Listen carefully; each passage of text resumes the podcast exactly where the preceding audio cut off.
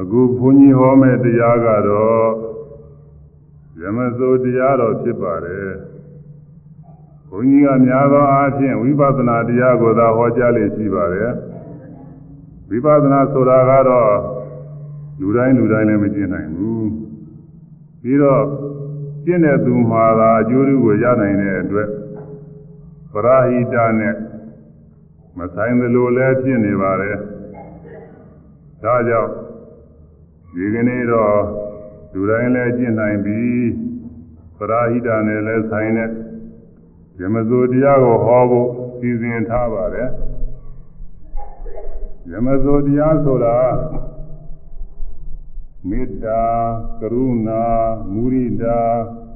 ဥပေက္ခာဆိုတဲ့ဒီတရားလေးပါပါပဲ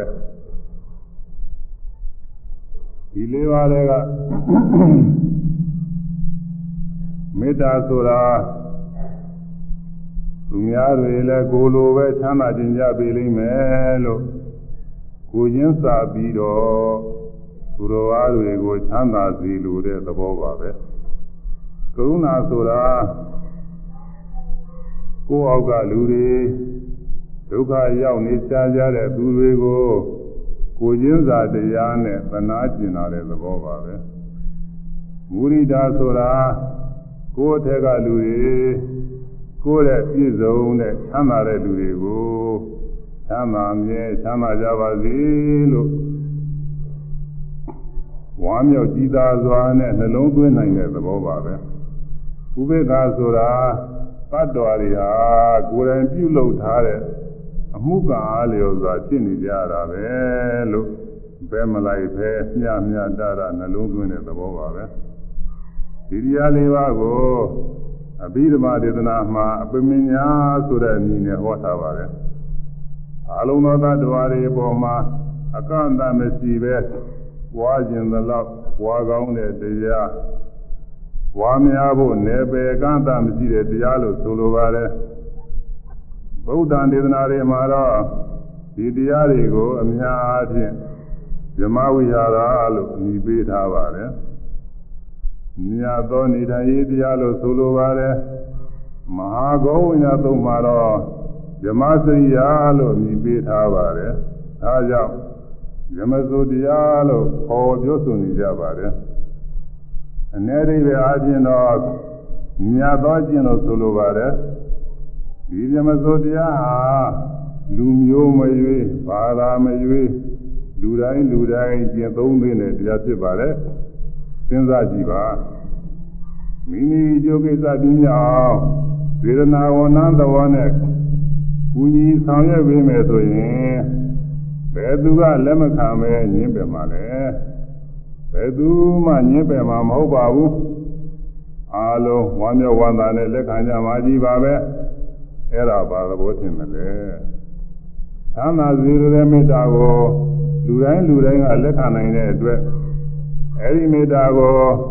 လူတိုင်းလူတိုင်းကျင့်နေတယ်ဆိုတာပေါ်ပြနေတဲ့သဘောပါပဲလက်တွေလည်းစမ်းကြည့်နိုင်ပါတယ်လူတယောက်ကို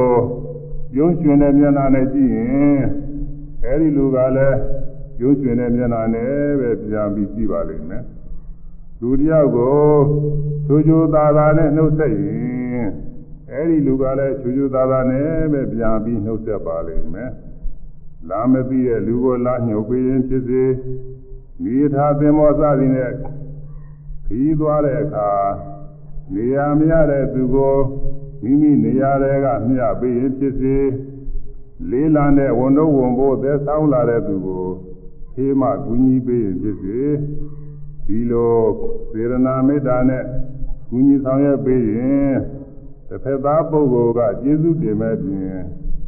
မိမိကိုယ်တိုင်လည်းလူကျင့်ဝတရားကြည်ညိုတဲ့အတွက်ဝမ်းမြောက်ဝမ်းသာခြင်းအကျိုးကိုချက်ချင်းပဲရပါလိမ့်မယ်မိမိမှာအခက်အခဲရှိတဲ့အခါလဲကူညီမဲ့သူများပေါ်လာတော့ပါတယ်ဒီနည်းဖြင့်လူတိုင်းလူတိုင်းကလူကျင့်ဝတ်ကိုသိပြီးမေတ္တာတရားနဲ့အချင်းချင်းတာသွားနိုင်တယ်မြတ်ကူညီဆောင်ရွက်သွားကြမယ်ဆိုရင် လူလောကကြီးဟာအသင်္သာဝရဘာသာယာယာနဲ့ဖြစ်သွားဖို့ရှိပါတယ်ဒါကြောင့်မေတ္တာတရားကိုလူတိုင်းလူတိုင်းကျင့်သုံးသင်ကြောင်းသင်ကြားပါတယ်တို့သူပဲဆင်းရဲဒုက္ခရောက်နေတဲ့လူတွေကိုကရုဏာနဲ့တဏှာပြီးကူညီစားကြောက်မယ်ဆိုရင်မြင့်ပယ်မဲ့သူရှိပါမလားမကြည့်နိုင်ပါဘူးလက်ခံကြပါကြီးပါပဲပြီးတော့ ရရှိထားတဲ့စီဝါဥစ္စာနဲ့ယာရုဌာနန္တရအလုတ်ကိုင်းနဲ့အချွေရန်ဂုံပင်ပြည့်တည်တွေနဲ့ခိုင်မြဲတည်တာပြီးချမ်းသာမြဲချမ်းသာနေအောင်မူရိတာနဲ့ဝမ်းမြောက်ကြည်သာစွာထောက်ခံအားပေးမယ်ဆိုရင်ငင်းပယ်မဲ့သူရှိပါမလားမရှိနိုင်ပါဘူးသက်ခံကြမှာကြီးပါပဲဒါကြောင့်ဒီကရုဏာနဲ့မုဒိတာကိုလည်း လူတိုင်းလူတိုင်းကြည်သုံးသိကြအောင်သင်ကြားပါတယ်ဥပေက္ခဆိုတာလဲမေတ္တာကရုဏာမုဒိတာနဲ့မဆောင်ရွက်နိုင်တဲ့နေရာမှာကျင့်သုံးသင့်တဲ့တရားပါပဲသင်ကြားတဲ့သာရကနဲ့ပြရင်လူတယောက်မှာရာဇဝမှုရောက်နေတယ်ဆိုတော့အဲဒီလူကိုတားနိုင်တဲ့သူကမေတ္တာနဲ့ကရုဏာနဲ့အသွမ်းကိုကူညီပေးနေပါလေဒါပေမဲ့ ပြင်းမှုထင်ရှားတယ်ဆိုပြီးနောက်ဆုံးအနေနဲ့အပြစ်ဒဏ်ပေးလိုက်တဲ့အခါကျတော့ကူညီနိုင်တဲ့အခွင့်အရေးမရှိတော့ဘူးအဲဒီလောကမှာဒီဥပေက္ခနဲ့သာအညီအမျှနှလုံးသွင်းသိတော့ပါတယ်အပြစ်ဒဏ်ခံရတဲ့သူဘက်ကလိုက်ပြီးတရားလူတွေကိုအပြစ်တင်မနေသင့်တော့ပါဘူးသူကအတိုင်းပဲလို့သာမျှတာဆိုတာနှလုံးသွင်းတော့နှလုံးသွင်းသင့်ပါတယ် အခုလောလောဆယ်မှာပြင်းမရှိဘူးလို့ထင်မြင်မဲ့ဒီကပြုလုပ်ထားတဲ့အပြစ်ရှိလို့သာ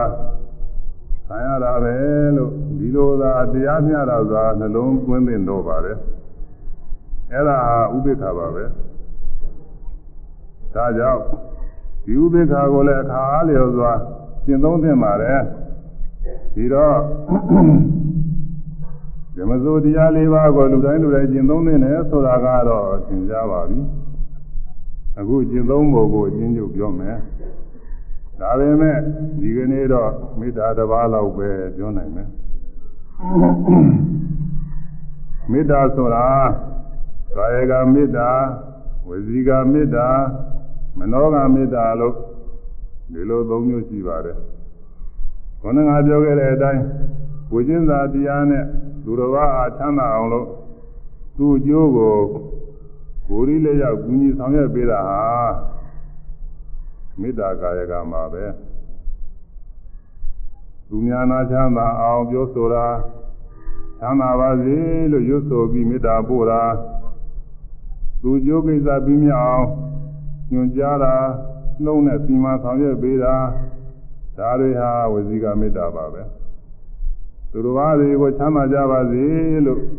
စိတ်သက်သက်နဲ့နှလုံးသွင်းနေတာဟာ မေတ္တာမနောကမှာပဲဒီမေတ္တာမနောကကိုတော့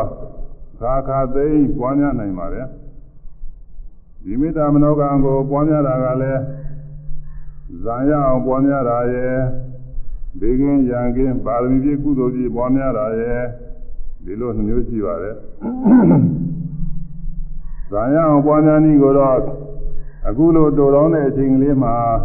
ပြည့်စုံအောင်ပြောနိုင်ပါဘူးဒါကြောင့် ယခုဘေကင်းရန်ကင်းပါရမီပြည့်ကုသိုလ်ပြည့်ပွားများပုံကိုပဲပြောမယ်တွေ့မြင်ရတဲ့မြလူတွေကိုအာယုံပြုပြီး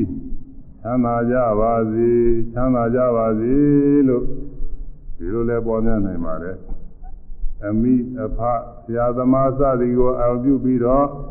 ချမ်းသာကြပါစေချမ်းသာကြပါစေလို့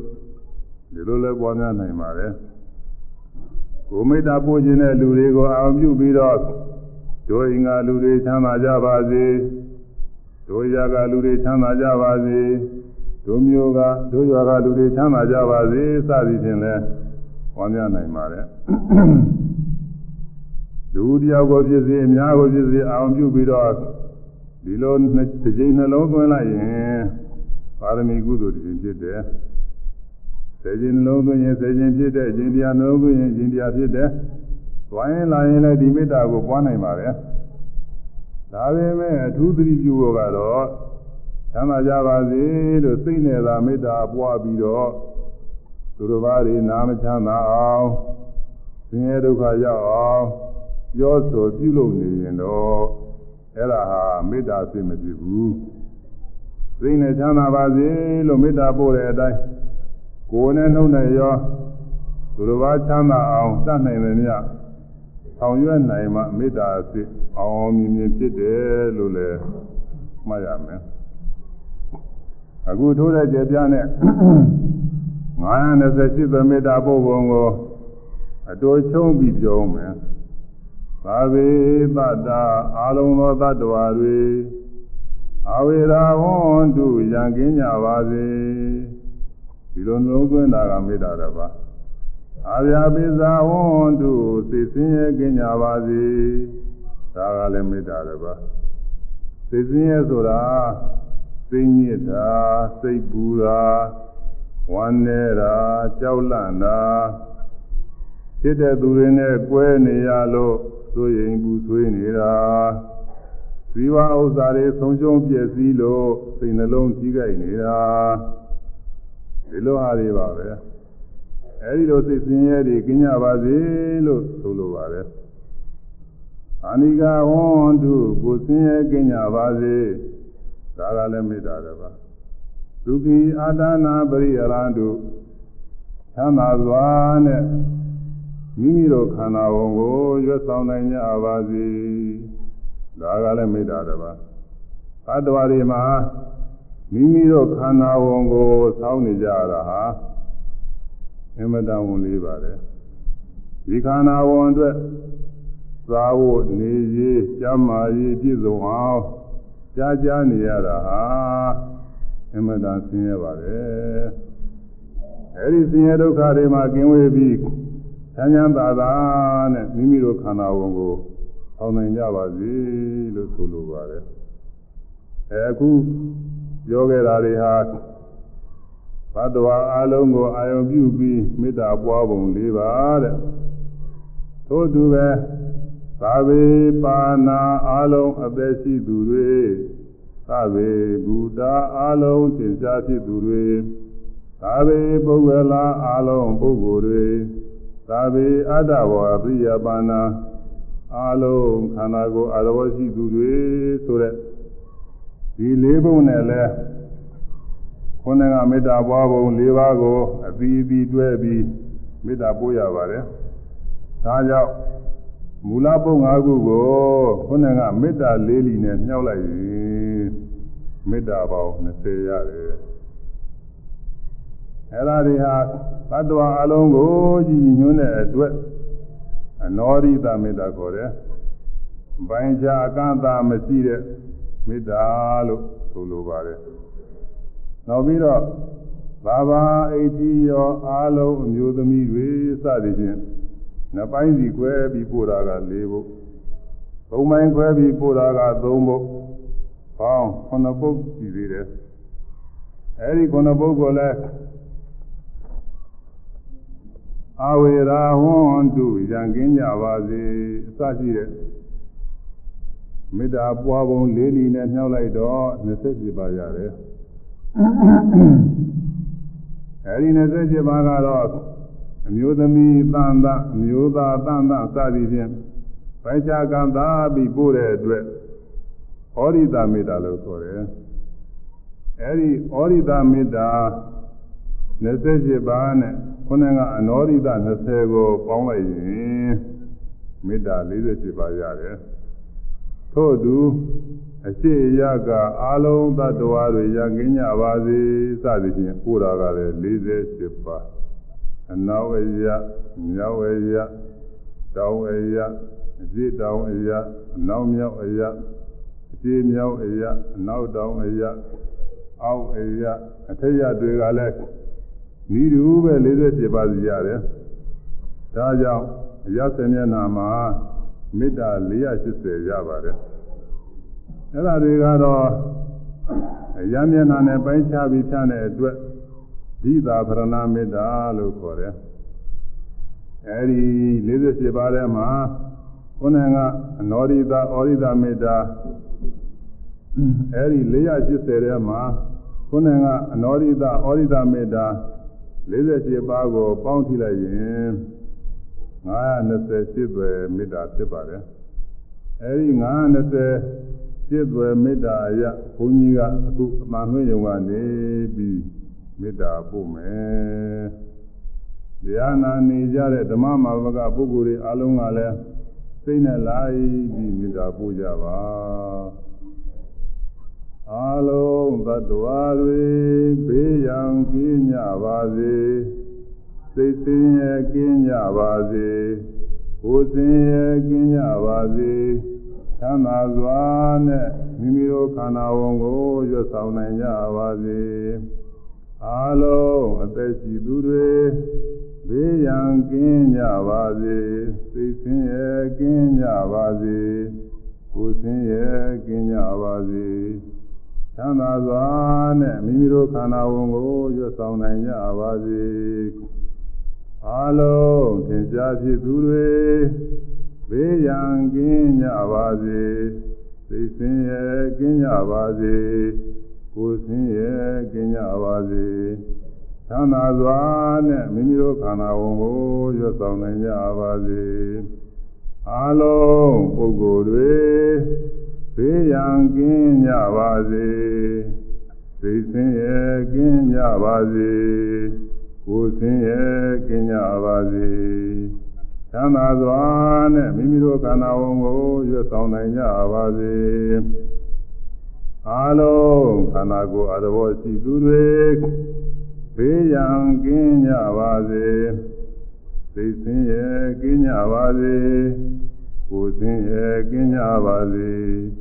သမ်းသာစွာနဲ့မိမိတို့ခန္ဓာဝန်ကိုရွတ်ဆောင်နိုင်ကြပါစေ ဒါတွေကအနောဒိတမေတ္တာ20တဲ့အာလုံးမြို့သမီးတွေဘေးရန်ကင်းကြပါစေ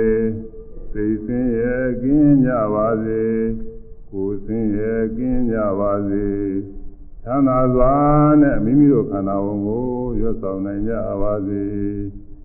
အာလုံးအမျိုးသားတွေဘေးရန်ကင်းကြပါစေ သိစင်ရဲ့ကင်းကြပါစေကိုယ်စင်ရဲ့ကင်းကြပါစေသံသာစွာနဲ့မိမိတို့ခန္ဓာဝန်ကိုရွတ်ဆောင်နိုင်ကြပါစေအာလုံးအရိယာပုဂ္ဂိုလ်တွေဘေးရန်ကင်းကြပါစေသိစင်ရဲ့ကင်းကြပါစေကိုယ်စင်ရဲ့ကင်းကြပါစေသံသာစွာနဲ့မိမိတို့ခန္ဓာဝန်ကိုရွတ်ဆောင်နိုင်ကြပါစေ အလုံးဘုသူရှင်ပုဂ္ဂိုလ်တွေဘေးရန်ကင်းကြပါစေသိစင်ရဲ့ကင်းကြပါစေကိုယ်စင်ရဲ့ကင်းကြပါစေသံသာစွာနဲ့မိမိတို့ခန္ဓာဝန်ကိုရွတ်ဆောင်နိုင်ကြပါစေအလုံးနတ်မြမာတွေဘေးရန်ကင်းကြပါစေသိစင်ရဲ့ကင်းကြပါစေကိုယ်စင်ရဲ့ကင်းကြပါစေ ချမ်းသာစွာနဲ့မိမိတို့ခန္ဓာဝန်ကိုရွတ်ဆောင်နိုင်ကြပါစေအလုံးလူတွေဘေးရန်ကင်းကြပါစေသိစင်ရဲ့ကင်းကြပါစေကိုယ်စင်ရဲ့ကင်းကြပါစေချမ်းသာစွာနဲ့မိမိတို့ခန္ဓာဝန်ကိုရွတ်ဆောင်နိုင်ကြပါစေအလုံးအပေဘုံတို့ပေဘုံသားတွေ ဘေးရန်ကင်းကြပါစေသိစင်းရဲ့ကင်းကြပါစေကိုယ်စင်းရဲ့ကင်းကြပါစေသံသာစွာနဲ့မိမိတို့ခန္ဓာဝန်ကိုရွတ်ဆောင်နိုင်ကြပါစေဒါတွေကဩရိတမေတ္တာ28ပါတဲ့အခုရမင်းနာ7ပါးနဲ့မေတ္တာပို့ပုံကိုအတူချုံပြီးပြောမယ်အရှိရကအာလုံးသတ္တဝါတွေ ဘေးရန်ကင်းကြပါစေသိစင်းရဲ့ကင်းကြပါစေကိုယ်စင်းရဲ့ကင်းကြပါစေသံသာစွာနဲ့မိမိတို့ခန္ဓာဝန်ကိုရွတ်ဆောင်နိုင်ကြပါစေဒီနည်းတူပဲ48ပါးအပြည့်စုံပို့ရမယ်အနောက်ရကအာလုံးသတ္တဝါတွေဘေးရန်ကင်းကြပါစေဤတူ48ပါးပဲသို့တူမြောက်ရာကတောင်ရာကအ စီတောင်ရာကအနောက်မြောက်ရာကဒီမြောက်ရာကအနောက်တောင်ရာကအဝရာကအထက်ရာက47ပါးစီကြီးပဲအလုံးပေါင်း98ပဲမေတ္တာဖြစ်ပါတယ်အချိန်ကြီးလို့နားလည်းယုံမြချုံးပြီးပြောလိုက်ရပါတယ်အခုမြန်မာပြည်သူပြည်သားတွေကိုထူးမေတ္တာပို့ပြီးတရားသိမ်းတော့မယ် အားလုံး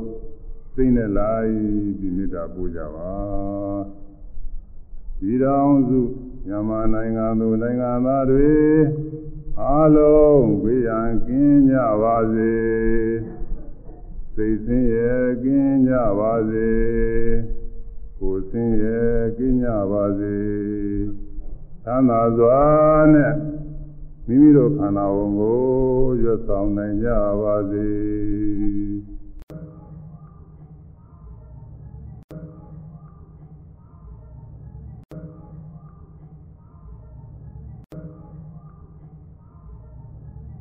ဒီကနေ့ဟောမဲ့တရားကတော့လွန်ခဲ့တဲ့1329ခုနှစ်ဝါကောင်လာခြင်းတွေကဟောခဲ့တဲ့ယမသုတရားရဲ့အဆက်ပါပဲအရင်ဟောခဲ့တာကပထမပိုင်းအခုဟောတာကဒုတိယပိုင်းကောပထမပိုင်းမှာမေတ္တာပွားပုံကိုဟောခဲ့တဲ့ အခုဒုတိယပိုင်းမှာကရုဏာပွားပုံကိုဟောရမယ်ကရုဏာဆိုတာကိုယ့်ဩကလူတွေဒုက္ခရောက်နေကြကြတဲ့သူတွေကိုကိုချင်းစာတရားနဲ့မနာကျင်လာတဲ့သဘောပဲဆိုတာကိုပထမပိုင်းမှာပြောခဲ့ပါပြီပါဠိနည်းနဲ့ပြောရရင်တော့ဆင်းရဲဒုက္ခရောက်နေတဲ့သူကို မြင်တွေ့ရကြားသိရတဲ့အခါမှာသူတော်ကောင်းတွေရဲ့စိတ်နှလုံးကိုတုံလုံးစေရလို့ကရုဏာမြည်ပါတယ်တဲ့ဟုတ်တယ်သူတော်ကောင်းတွေမှာဆင်းရဲဒုက္ခရောက်နေတဲ့သူကိုမြင်တွေ့ရရင်ကြားသိရရင်ကိုယ်တိုင်ခံစားနေရသလိုပဲစိတ်ထဲမှာထိခိုက်ပြီးဒုံလို့တတ်ပါတဲ့ နယနယတိရစ္ဆာန်ချင်းချင်းမြင်စေပါပြနေတာပဲဖြစ်ဖြစ်လူတွေကစကားမပြောနိုင်မကားကွယ်နိုင်ရှားကြတဲ့တိရစ္ဆာန်တွေကိုမြင်စေပါပြနေတာပဲဖြစ်ဖြစ်လူလူချင်းနိုင်ရနိုင်ရညင်းစေနှိစ္စနေတာပဲဖြစ်ဖြစ်သူ့လိုလိုတနည်းနည်းနဲ့အတိဒအတိဒုက္ခရောက်နေတာပဲဖြစ်ဖြစ်မြင်တွေ့ရကြားသိရရင် သူတော်ကောင်းတွေရဲ့စိတ်နှလုံးမှာထိခိုက်တုန်လှုပ်တတ်ပါတယ်ဒီလိုစိတ်နှလုံးမှာထိခိုက်တုန်လှုပ်ရင်လည်းအဲ့ဒီလူကိုသူတော်ကောင်းပဲလို့သုံးပြနိုင်ပါတယ်ဒါကြောင့်ဝိသုရိမေအကျမ်းမှာပရာဒုခေသူတော်ဘာဤဆင်းရဲသည်တတိရှိလာသောသာရုဏံသူတော်ကောင်းတို့ဤဟရိယကံပနံ နှလုံးဤတုံလို့ခြင်းကိုကရောတိတိပြုရသောကြောင့်ကရုဏာကရုဏာမိဤလို့ဒီလိုပြဆိုထားပါတယ်ကရုဏာရဲ့သဘောလက္ခဏာကတော့သူတော်ဘာမှတွေ့ကြုံခံစားနေရတဲ့ဆင်းရဲကိုပယ်ပြောက်ခြင်းတဲ့သဘောပါပဲတတ်နိုင်တဲ့ကိစ္စဆိုရင်အဲဒီသူတော်ဘာဆင်းရဲကိုပျောက်ကင်းအောင်လဲသူကအကြောင်းညစိုက်တတ်တယ် မတတ်နိုင်တဲ့ကိစ္စဖြစ်နေတော့မှအဲဒီသူတော်ဘာဆင်းရဲကိုပျောက်စေခြင်းနေတာပဲဒါကြောင့်ပရာဒုက္ခပဏ္ဏနာကာရပုဒ္ဓိလက္ခဏာသူတစ်ပါးဤဆင်းရဲကိုပယ်တော့ခြင်းအားဖြင့်ဖြစ်ခြင်းသဘောလက္ခဏာရှိတယ်လို့လည်းပြဆိုထားပါတယ်။ဒါကြောင့်အတိဒုက္ခရောက်နေတဲ့သူကိုတွေ့ရတဲ့အခါသနာကျင်နာရတဲ့သူမှာဖြစ်မှဖြစ်ရလေခြင်းလို့ သုဒ္ဓတတနဲ့သနာတဲ့အမူအရာတွေသင်ကြားပေါ်လာတတ်ပါတယ်။ဒီကရုဏာယာမှာမြတ်စွာဘုရားရဲ့ကရုဏာတော်ကတော့အကြီးမားဆုံးပါပဲမိမိရဲ့ကြိုးမဲ့ကိုပြုံညမကပဲမိမိအားတရားသေးချောင်းကြာစီအားထုတ်နေတဲ့အအရှင်တေဝရကိုတောင်းမှသားတော်ရာဟုလာနဲ့ညီလူညီမျှပဲသနာတော်မူပါတယ် ဒီလောကလုံးမှာရှိတဲ့ရှိဒီလောကလုံးမှာရှိတဲ့မြတ်တ attva တွေအားလုံးကိုလည်းအခုမြတ်မောက်ဆင်းရဲလောက်သာမဟုတ်ပဲသံဃာတစ်ချောင်းလုံးမှာတွေ့ကြုံသွားရမယ်ဆင်းရဲတွေပါမျှော်မြင်ပြီးတော့လည်းသနာတော်မူပါတယ်သနာတော်မူပုံကတော့အချိန်ကာလတိုင်းခဏတိုင်းသေဖို့ရာစီကိုနိကနိကသွားနေကြကြတယ်ဆိုတာကိုမြင်တော်မူတဲ့အတွက် သမဲ့နွားကိုသာသာယုံစည်းမောင်းပို့နေသလိုလည်းမြင်ပြီးတော့သနာတော်မူပါတယ်ရာဇဝပြမှုကိုအကြီးကျယ်ကျူးလွန်ထားတဲ့သူဟာရာဇဝပြစ်ဒဏ်ကိုအကြီးကျယ်ခံရကြတော့မယ်ဆိုတာကိုမြင်သလိုပဲဘတ်တော်ရီအားညင်စေတတ်ပြခြင်းလူရဲ့ခိုးယူခြင်းအစရှိတဲ့ ဒုစရိုက်တွေကိုကျူးလွန်ထားကြတဲ့အတွက်မကြခင်ပဲငရဲသိသံပြိတ္တာတွေဖြစ်ပြီးအဓိဒုက္ခရောက်ကြကြတော့မယ်ဆိုတာကိုမြင်တော်မူပြီးတော့လည်းသနာတော်မူပါတယ်။ကိုခြင်းနာခြင်းသိခြင်းအစရှိတဲ့သံတရားဆင်းရဲတွေနဲ့ဒင်းညာအတိပြည့်နေတဲ့သံတရားခီးထဲမှာသံတရားခီးခဲ့တဲ့မှာ သုံးကားရဲ့လို့မရှိပဲတသွားတယ်သွားနေကြရှာတယ်လို့မြင်တော်မူပြီးတော့လည်းသနာတော်မူပါတယ်။ကဲမဲ့သူလည်းမရှိတို့ရဲ့လွတ်ခွင်လည်းမရှိတဲ့သံတရားနှောင်ရင်ကြီးထဲမှာအတိဒုက္ခရောက်နေကြကြတယ်လို့မြင်တော်မူပြီးတော့လည်းသနာတော်မူပါတယ်။ငါဘုရားမှာသံတရားစီရဲမှလွန်မြောက်ခဲ့ပြီ။ သတ္တဝါတွေမှာမလွန်မြောက်ကြကြသည်။ငါဘုရားမှာတပါးလဲကဲတင်မဲ့သူမရှိပါတကားလို့မြင်တော်မူပြီးတော့လည်းသနာတော်မူပါတယ်။ဒီနည်းဖြင့်ရာထောင်မကတဲ့ကြောင်းချင်းရာတွေနဲ့မြင်တော်မူပြီးတော့အလုံးသောသတ္တဝါတွေကိုသနာတော်မူပါတယ်။အဲ့ဒါကိုထောက်စားပြီးတော့ဘုရားတည်းဖြစ်ကြတဲ့ယဟန်ရှင်လူမှန်သမျှဟာ ဒီကရုဏာတရားကိုလည်းပွားများဖို့သင်လျော်ပါတယ်အခုလိုအကျယ်ချဲ့ပြီးပြောရတာကဘာကြောင့်လဲဆိုရင်မေတ္တာကိုပွားများရတယ်ဆိုတာတော့အများဖြင့်သိကြနားလည်ကြပါတယ်ပွားလည်းပွားများကြပါတယ်ဒါပေမဲ့ကရုဏာကိုတော့ပွားများရမှန်တယ်မသိကြဘူးသိပင်သိတော့လဲမေတ္တာလိုကြာကြာနာနာပွားများတဲ့သူကအလွန်နည်းနေပါတယ်ဒါကြောင့် ကရုဏာကိုလည်းမေတ္တာလိုပဲလေးလေးနက်နက်ပွားများသေးတယ်ဆိုတာသဘောပေါက်အောင်လို့အခုလိုကြဲချက်ပြီးပြောရခြင်းဖြစ်ပါတယ်ပွားများပုံကတော့ဒီကရုဏာမှာလည်းမေတ္တာလိုပဲကာယကံဝစီကံမနောကအားဖြင့်သုံးမျိုးရှိပါတယ်ဒါကြောင့်သူ့လိုလိုပဲဖြစ်ဖြစ်သူတော်ဘာကနေစေလိုပဲဖြစ်ဖြစ်ဆင်းရဲဒုက္ခရောက်နေတဲ့သူကိုတွေ့ရလို့ရှိရင် တတ်နိုင်သမျှအကူအညီပေးပါဥပမာမတော်တဆဖြေချောပြီးလဲကြသွားတဲ့သူကိုတွေ့ရရင်ဖေးမပြီးထူးပေးပါအိမ်နေပေးပါသိရှိရင်လူလိမ်ပေးပါမသွားနိုင်ပဲဖြစ်နေရင်ဖေးမပြီးလိုက်ဖို့ပေးပါမကြမ်းမမာဖြစ်နေတဲ့သူကိုတွေ့ရရင်လည်းဤသူပဲတတ်နိုင်သမျှအကူအညီပေးပါနိုင်တဲ့စီနေပြုလုပ်နေတာကိုတွေ့ရရင်လည်း တတ်နိုင်ရင်စောင့်ရှောက်ကာကွယ်ပေးပါဒီနည်းဖြင့်တတ်နိုင်သမျှကိုယ်နဲ့အကူအညီပေးတာကိုကာယကံကရုဏာပွားများတာပွားများတယ်လို့ဆိုရပါတယ်ပြီးတော့ဆင်းရဲဒုက္ခရောက်နေတဲ့သူကိုအဲဒီဆင်းရဲမှလွတ်မြောက်အောင်သို့မဟုတ်သက်သာရာရအောင်တတ်နိုင်သမျှနှုတ်နဲ့လည်းအကူအညီပေးရမယ်အဲဒီလိုနှုတ်နဲ့ပြောဆိုပြီး စောင့်ကြောက်ကူညီတာကတော့ဝစီကံကရုဏာကိုပွားများတာတဲ့ဒီဝစီကံကရုဏာကတော့ကိုယ်လည်းအောက်ကလူတွေနဲ့စပြီးကျင့်သုံးဖို့ရအလွန်ရေးကြည့်ပါတယ်ဘယ်လိုလဲဆိုရင်သင်ရဒုက္ခရောက်နေတဲ့လူကအကူအညီတောင်းလာရင်အသနာခံလာရင်တတ်နိုင်တယ်ညစီမံညွှန်ကြားပေးရမယ်ဘာမှမတတ်နိုင်တဲ့ကိစ္စဖြစ်နေတောင် ကရုဏာသက်တဲ့စကားနဲ့အားပေးပြောဆိုရမယ်ဒါဟာအမှန်ရေးကြည့်ပါတယ်တချို့ကတော့ဒီလိုသနာခံလာတဲ့သူအကူကြီးတောင်းလာတဲ့သူကိုဟိဟောက်ကောင်းကပြီးလွတ်လိုက်တတ်တယ်အဲ့ဒါကတော့ကရုဏာကင်းမဲ့ယုံနဲ့မကပဲမေတ္တာပါလျှောက်ခန်းနေတယ်ဆိုတာကိုဟောပြတဲ့သဘောပါပဲ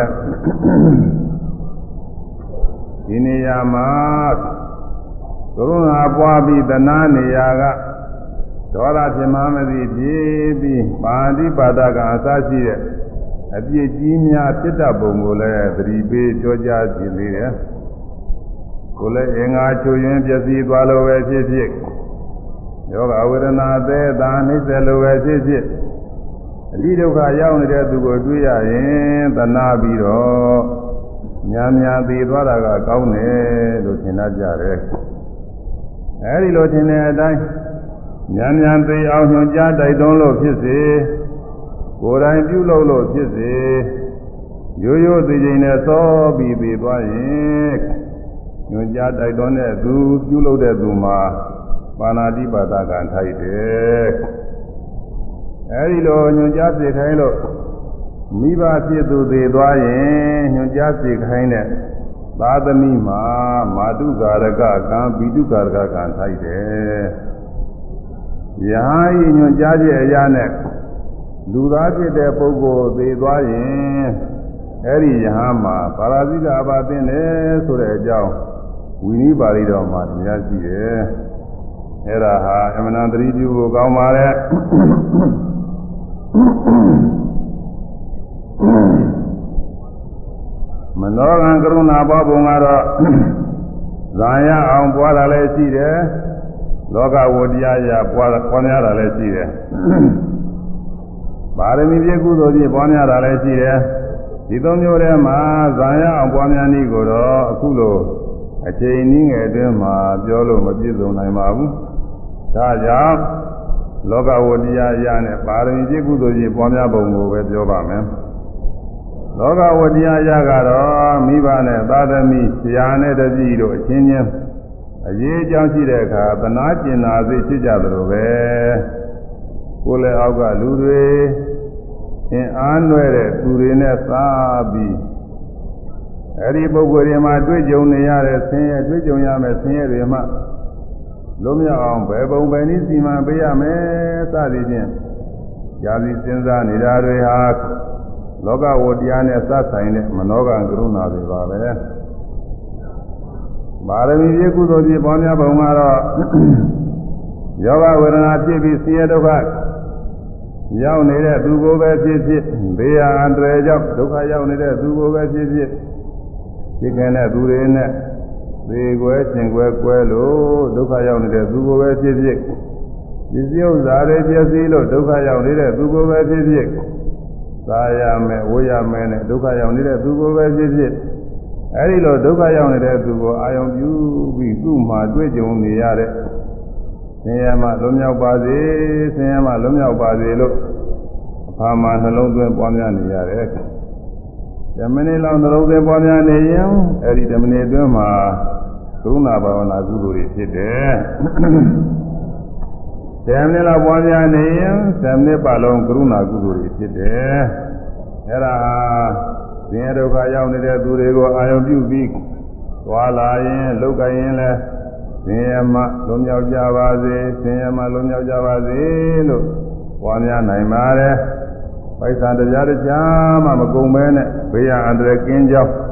ကောင်းမှုကုသိုလ်တွေဖြစ်ပွားတယ်။အမှန်ကောင်းတဲ့အလုပ်ပါပဲ။ဒါကဒါမှာတော့ အခုလောလောဆယ်မှာချမ်းသာကောင်းစားနေတဲ့သူကိုလည်းအကုသိုလ်ကံများတဲ့သူဆိုရင်မကြခင်ပဲလူဘဝကသေးပြီးတော့ငရဲသိစ္စာပြိတာတွေကိုငရဲသိစ္စာပြိတာဘုံတွေကိုရောက်ပြီးအလွန်ကြီးကျယ်များပြားတဲ့ဆင်းရဲတွေကိုခံစားကြတော့မယ်ဆိုတာမျိုးတွေးပြီးကရုဏာပွားနိုင်တယ်လို့လည်းပြဆိုထားပါတယ်ပြီးတော့ မြတ်စွာဘုရားရဲ့ကရုဏာပွားနည်းအရဆိုရင်သံဃာဆင်းရဲနဲ့မကင်းသေးတဲ့သတ္တဝါတွေအလုံးကိုလည်းအာရုံပြုပြီးကရုဏာပွားနိုင်ပါတယ်။ဘာကြောင့်လဲဆိုရင်သံဃာထဲမှာကျင်းပြီးနေကြရတဲ့သတ္တဝါတွေဟူသည်များဟာလုံးဝဆင်းရဲကြတဲ့သူရဲ့လို့မရှိပါဘူးအ ਨੇ နဲ့အမြားအငယ်နဲ့အကြီးတော့သာကွာခြားပါတယ် ဆင်းရဲတွေကတော့ကိုယ်စီကိုယ်ငါအသီးပြီးရှိနေကြတာကြီးပါပဲအခုလောလောဆယ်မှာမရှိဘူးဆိုတောင်မှနောင်ခါတွေ့ကြုံရမယ့်ဆင်းရဲတွေကတော့ရှိနေတာပဲဒါကြောင့်အဲဒီလိုဆင်းရဲတွေကိုအာရုံပြုပြီးတော့ဆင်းရဲမှလွန်မြောက်ကြပါစေ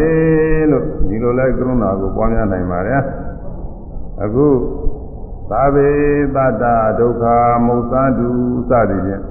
ဝိသုဒ္ဓိမေကျမ်းမှာပြဆိုထားတဲ့နိယအနောရိတကရုဏာဩရိတကရုဏာပွားပုံတွေကိုဘုန်းကြီးကရွတ်ဆိုပြီးကရုဏာပွားမယ်တရားနာနေကြတဲ့ဓမ္မမာဝကပုဂ္ဂိုလ်တွေအားလုံးကလည်းစိတ်နဲ့လိုက်ပြီးကရုဏာပွားကြပါအားလုံးသတ္တဝါတွေအဲသိုးမဟုတ်စိတ်နဲ့လည်းရပါ အာလုံးသတ္တဝါတွေဆင်းရဲဒုက္ခမှလွတ်မြောက်ကြပါစေအာလုံးအသက်ရှိသူတွေဆင်းရဲဒုက္ခမှလွတ်မြောက်ကြပါစေအာလုံးသင်္ချာဖြစ်သူတွေဆင်းရဲဒုက္ခမှလွတ်မြောက်ကြပါစေအာလုံးပုဂ္ဂိုလ်တွေဆင်းရဲဒုက္ခမှလွတ်မြောက်ကြပါစေ အာလုံးခန္ဓာကိုယ်အရဘောအရှိသူတွေဆင်းရဲဒုက္ခမှလွတ်မြောက်ကြပါစေဒါကအနောဒိတကရုဏာ၅ပါးတဲ့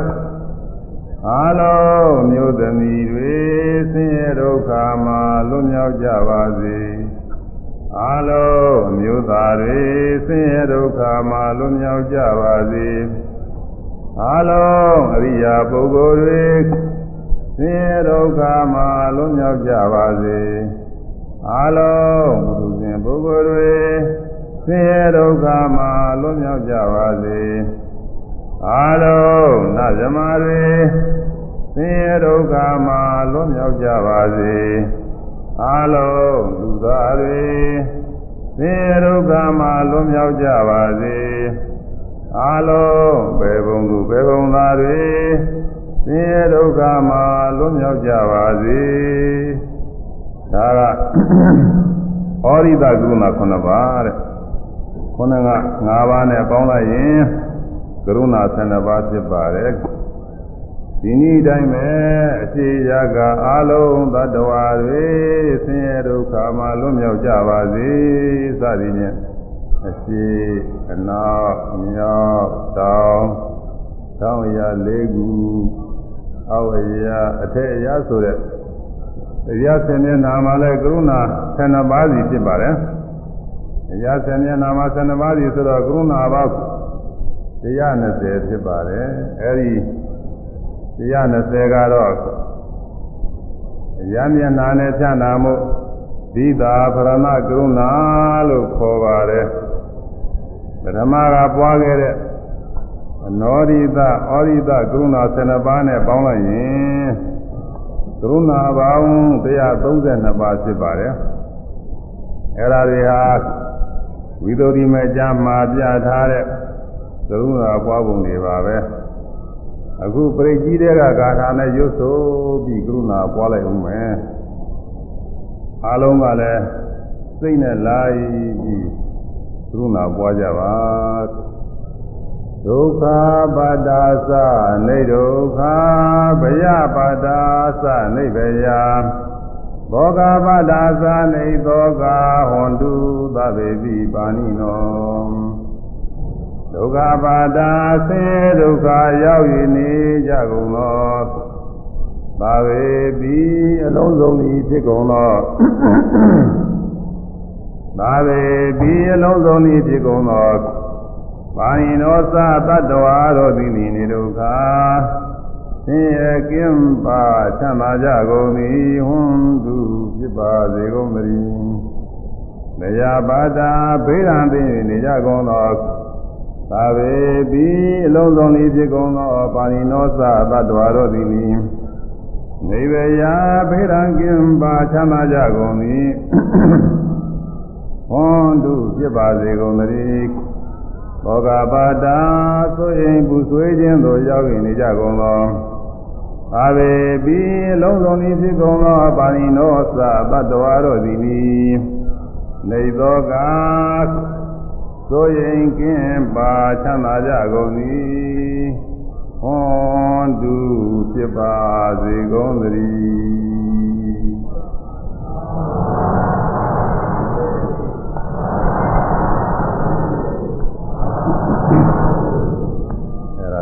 န်မျိုးမှာစီစဉ်ပြီးတော့ပါပြီးတော့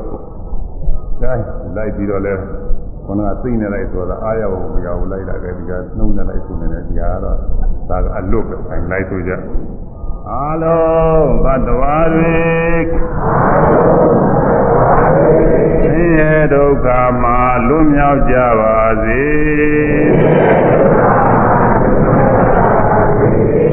အလုံးအသက်ရှိသူတွေဆင်းရဲဒုက္ခမှာလွတ်မြောက်ကြပါစေအလုံးသင်္ချာဖြစ်သူတွေဆင်းရဲဒုက္ခမှာလွတ်မြောက်ကြပါစေအလုံးပုဂ္ဂိုလ်တွေ ရဲဒုက္ခမှာလွတ်မြောက်ကြပါစေ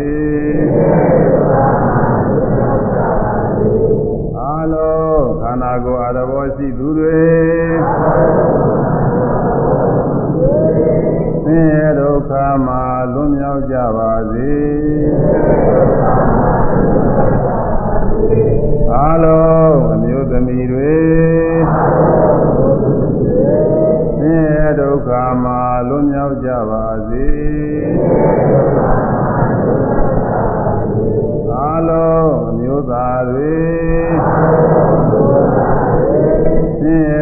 က္ခမှာလွတ်မြောက်ကြပါစေအလုံး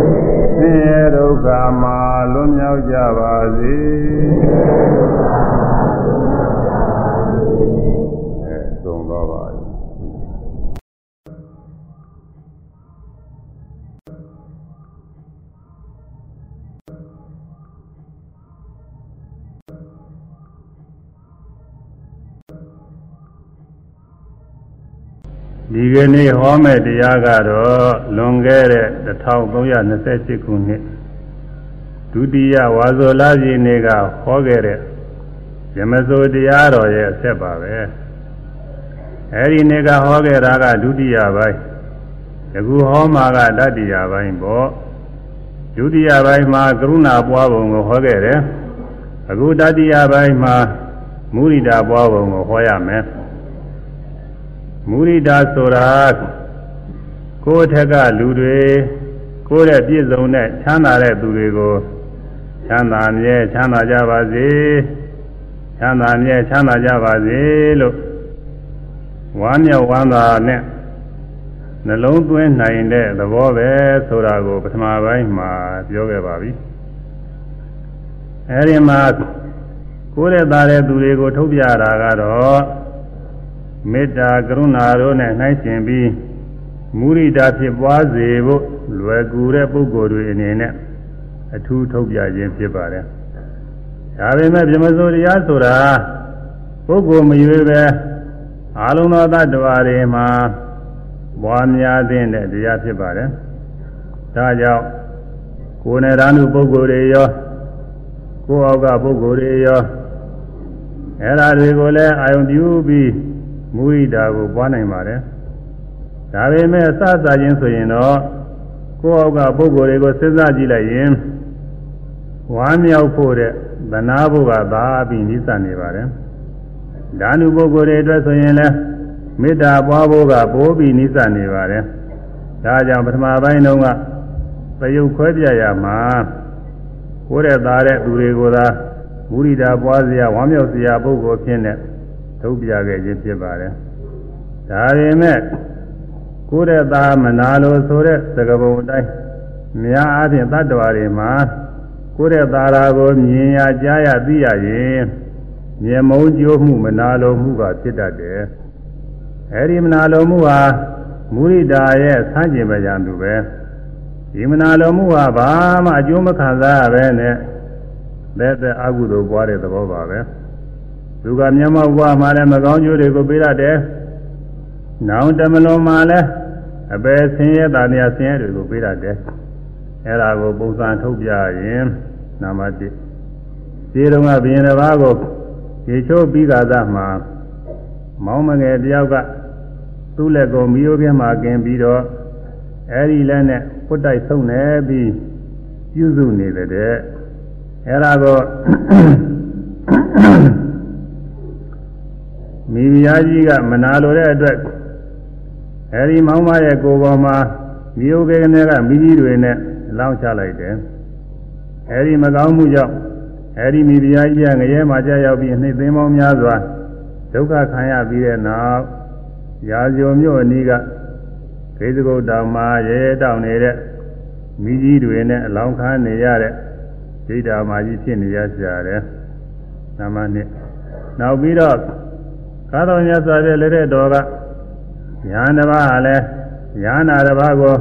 မနာလိုပြီးပြမခဲ့တဲ့အကုသိုလ်ကံကြောင့်ငရဲမှာကြာရောက်ပြီးယခုဘောရမြတ်စွာဘုရားလက်ထက်မှာလောကဒိဋ္ဌာဆိုတဲ့လူဖြစ်လာပြီးအကြီးအကျယ်ဒုက္ခရောက်ရကြတယ်။အဲဒီလောကဒိဋ္ဌာပြိဿနေကြတဲ့ကသူမိဘတွေနဲ့တကွရွာလုံးမိတွေမင်းတွေငါမုတ်ခေါင်းမတဲ့ဘေးတွေသိညာရတယ်။ ဒါနဲ့ရွာကိုနှစ်ပိုင်းခွဲလိုက်ကြတယ်။အဲဒီခါကျတော့လဲသူပါတဲ့အပိုင်းမှာဒုက္ခရောက်ကြပြန်တယ်။ဒါကြောင့်နောက်လဲထခါထခါရွာခွဲကြပြန်တယ်။ခွဲတိုင်းခွဲတိုင်းသူပါတဲ့အပိုင်းမှာဒုက္ခရောက်ကြတာကြီးပဲ။နောက်ဆုံးကြတော့သူမိဘတိန်နဲ့တပိုင်းဖြစ်သွားတယ်။အဲဒီခါမှလဲသူတို့တိန်နဲ့ဒုက္ခရောက်ကြရတယ်။ဒါကြောင့် လောကဒိဋ္ဌစကားပြောနိုင်သွားလာနိုင်တဲ့အခါကာလကြတော့မိဘတွေကလည်းသူ့ကိုသွန်ပြေးပြီးသင်တော်ရာအလွတ်ထွက်သွားကြတယ်။လောကဒိဋ္ဌလည်းခွက်ကလေးတစ်ခုနဲ့ရောက်တရရာသွားပြီးတောင်းရစားတော့နေရကြတယ်။ဒီနေ့မှဝဝလင်းလင်းစားရတယ်လို့မရှိဘူးတဲ့။နောက်တစ်ချိန်မှာရင်သာရိပုတ္တရာကသူ့ကိုသနာလို့ရှင်ဟန်ပြုပေးထားတယ်။ ရှင်ဟန်ပြတဲ့အခါမှာလည်းသူ့မှာဝဝလင်းလင်းစားလာအောင်ဖွမ်းမရကြဘူးတဲ့။သူနဲ့အတူတူဆောင်းငံသွားရင်အခြားရန်တော်တွေတောင်းဆောင်းကောင်းကောင်းမရကြဘူးတဲ့။နောက်ဆုံးပြိဋိဘံပြုမယ်နေ့မှာတောင်းရှင်သာရိပုတ္တရာကသူ့စီပုတ်ခိုင်းလိုက်တဲ့သွမ်းဟာသူ့စီမရောက်ဘူး။သူ့ကိုမှတ်မရပဲသတိမေ့ပြီးလမ်းတွင်စပြစ်လိုက်ကြတယ်။ရှင်သာရိပုတ္တရာလာပြီးမင်းမသမဇာရေမှသိရတာနဲ့ ဘာဝေကဖြစ်တော်မူရတယ်အချိန်ကလည်းနေမွန်းလွဲနေတာနဲ့သတုမရုသွမ်းကိုခံယူလာပြီး